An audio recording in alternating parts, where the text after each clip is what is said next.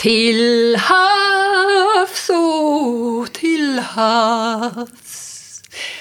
Jussi Björling, vad han säger. Alltså, tveksamt. Jag har lite dålig koll, men han var väl från Dalarna, va? Eller?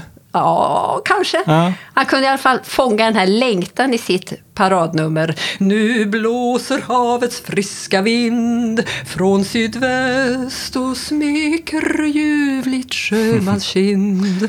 Ja, nu är inte den här texten Jussis egen, men, eh, utan den är skriven av en finlandssvensk poet, men den är ju universell, får man väl säga. Ja, den funkar också i Göteborg.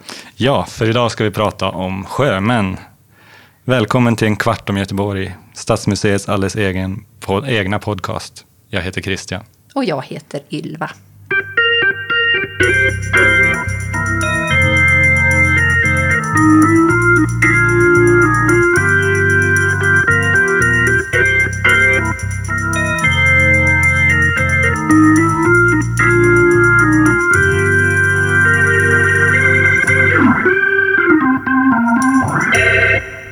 Vi vandrade ju runt i Masthugget och i Stigberget i ett tidigare program och kollade på de här gamla institutionerna som finns kvar i Göteborg.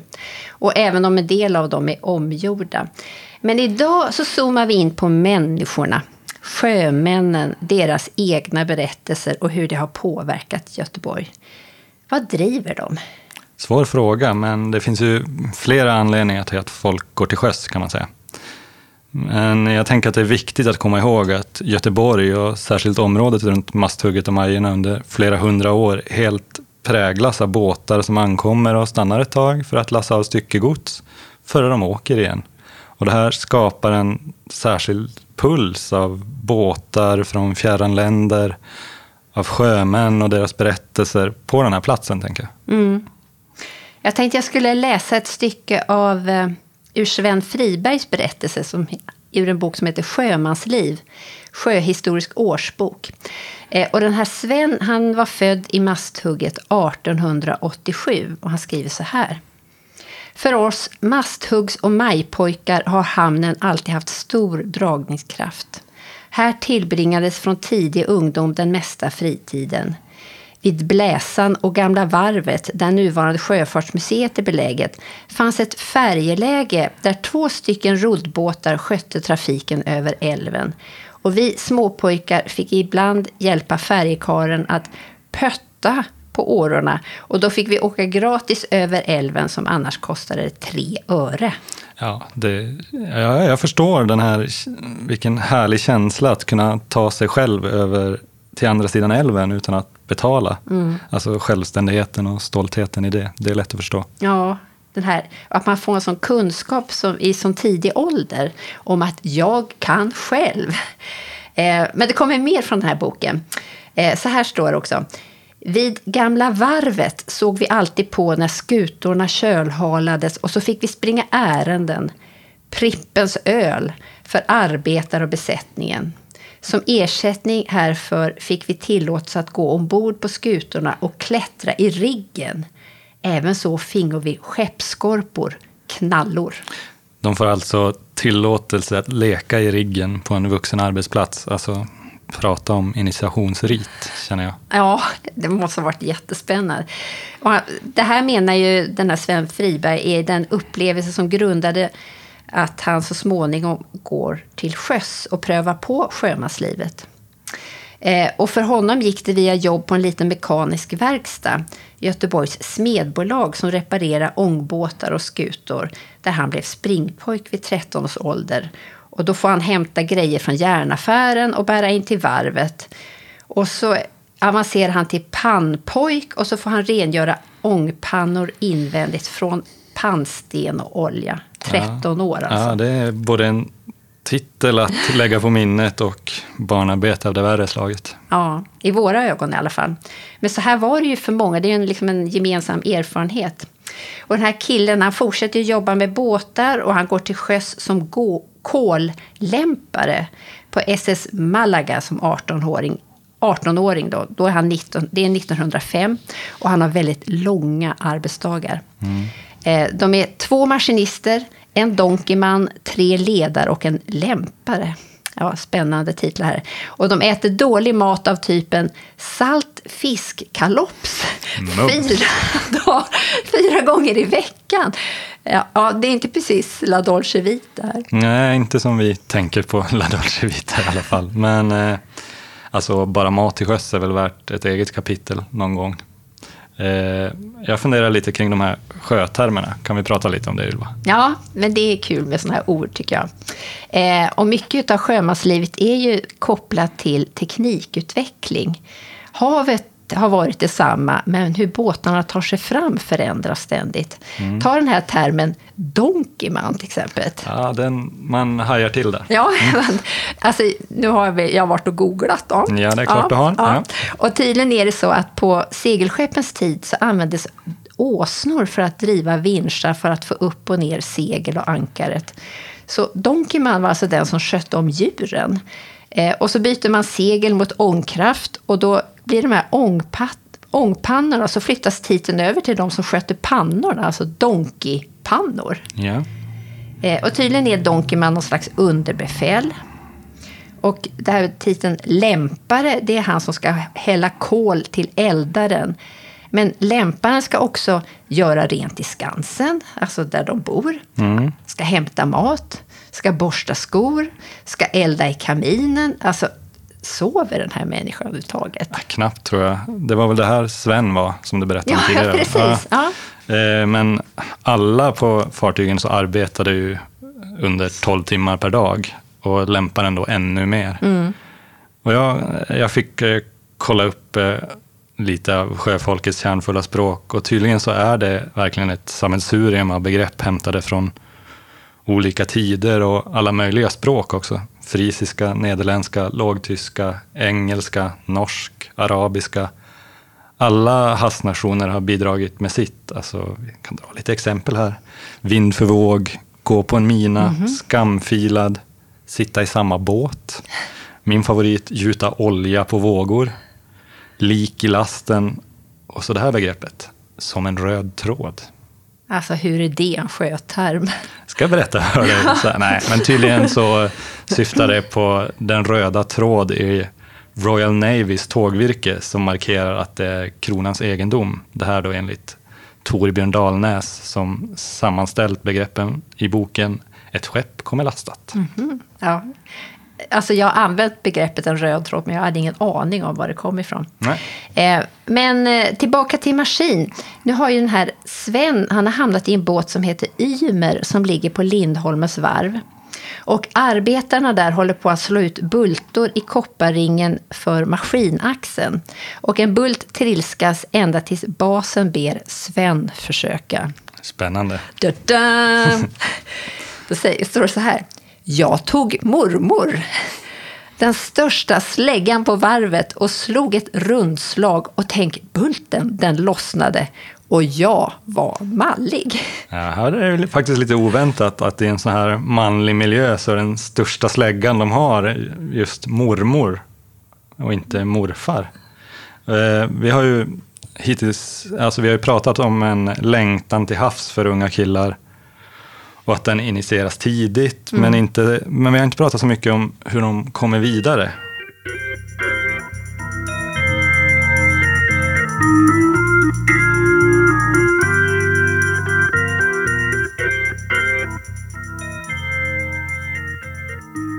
Eh, man kan väl säga att det finns en, nästan en snitslad bana att gå på även för de från lite fattigare hem. Mm. Och det är ju navigationsskolan huset på Kvarnberget som inte är navigationsskola längre. Mm. Det är något företag som sitter där. Mm.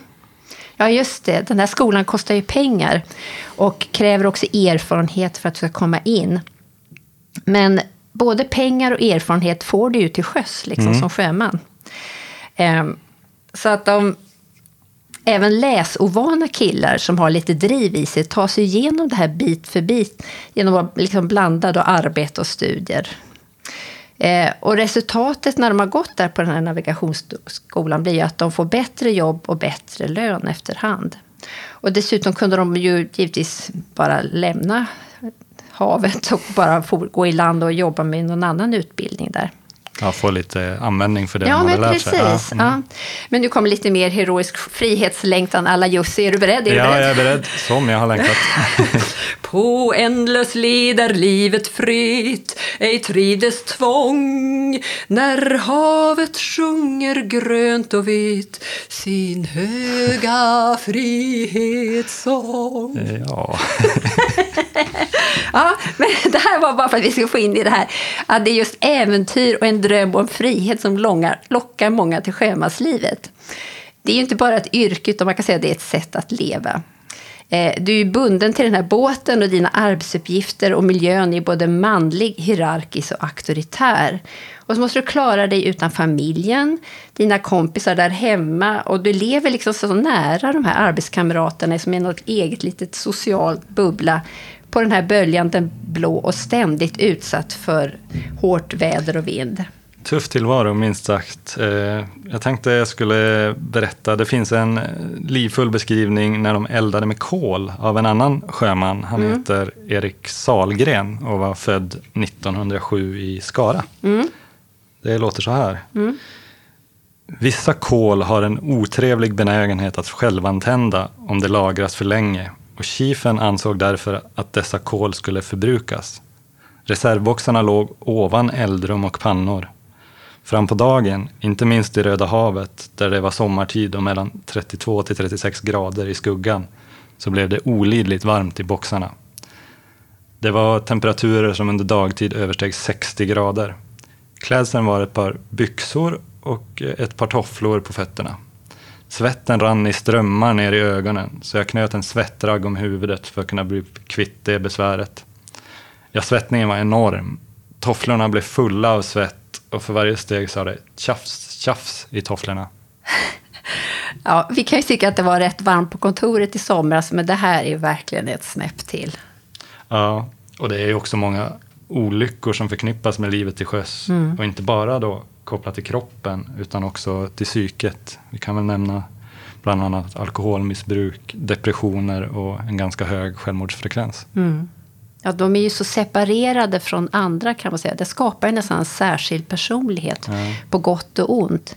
Ett slags utanförskap, men samtidigt så har du kanske någon samhörighet med någon internationell sjömanskultur. Mm, kanske. Ja.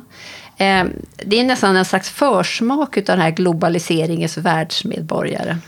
Ja, och hos många finns ju också ett drag av kreativitet. Eh, alltså det, det blir väl svårt att prata om sjömän från Göteborg utan att nämna kändisen Lilla Evert på Vinga. Det, det går väl inte. Nej. Vi, vi pratar naturligtvis Taube som beskrivit sin uppväxt som mycket lycklig, präglad av fiske, sjöfart och historier om främmande länder eh, och livet till sjöss. Det här då enligt Wikipedia som var den första Google-träff jag fick. Eh, när han är 17 år ställer hans far honom inför ett ultimatum. Antingen internatskola för att fixa upp sina usla mattebetyg eller att gå till sjöss. Han väljer det senare alternativet och seglar världen runt. Bland annat så tillbringar han fem år i Sydamerika. Ja, resten där är väl historia och inte minst musikhistoria. Men eh, vad man också kan säga är att han var en förkämpe under de hårdhänta saneringarna i Göteborg. Eh, Slottsberget och området runt Gröna Gatan och Kustens varv där Taubhuset räddades eh, är delvis tack vare Evert. Mm, ja, vi har Evert att tacka för mycket. Verkligen. Sen har vi hans musikaliska efterföljare som inte är sjömän, men som använder sig liksom av ingredienserna. Ja, jag tänker då på Håkan Hellström och nu blir det alltså stum beundran några sekunder här i radion, eller tyst fanfar. Hör du? Ja, jag tror det. Ja, jättebra. Och så har vi också Kapten Röd. Han är från Majorna. Yes. Mm. Och jag tror att det här utanförskapet, det här underdog-perspektivet, samt som du har kännedom om språk, du är nyfiken på andra människor, andra kulturer, annan mat. Det här liksom bygger en kultur som kanske börjar här i Masthugget och Majorna, men som har spritt sig och blivit en, ett slags statement för hela Göteborg. Eh, det här sjömannens uppmärksamma blick riktad mot horisonten och andra fartyg. Det har omvandlats till liksom en Ja, det är lite lång, det är lite, lite lång resa, men i alla fall till en slogan för Göteborgs stad. Idag säger vi så här, hållbar stad, öppen för världen. Ja, det var dit du var på väg. Ja, det var dit jag var på väg. Lite långsökt, men jag fattar hur du Ja, tänker. men ja, men Ja. kanske. Ja. Mm.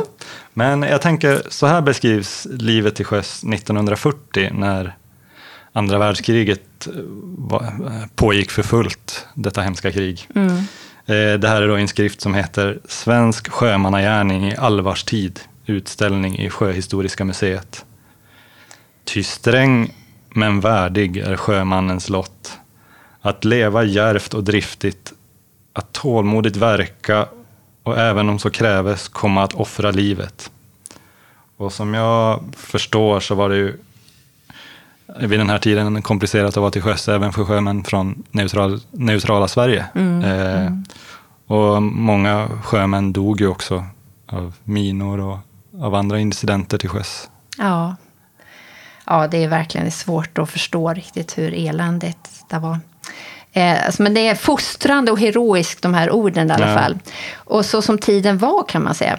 Men vi ska avsluta, tänkte jag, med den här sjömannen Gunnar Hellgren från Göteborg som gick i pension 1967. Och så här berättar han om sitt sjömansliv. Jag fick lägga av sjön för gott några år före pensionen efter att anses ha haft dåligt hjärta och reumatism efter alla luftrör man stod under för att i värmen försöka få lite frisk luft uppifrån. Än idag saknar jag sjömanslivet och mest mina minnen från ångfartygen. Och nu någon gång kan man komma till hamnen för att se båtarna lasta eller lossa eller gå ut. Gå ut utan mig. Ja, det, det, där får väl bli slutklämmen för idag känner jag. Mm. Eh, eh ja, vi får tacka så mycket. Jag säger skepp ohoj. Ja, men jag säger också skepp ohoj. Hej på er. Hej.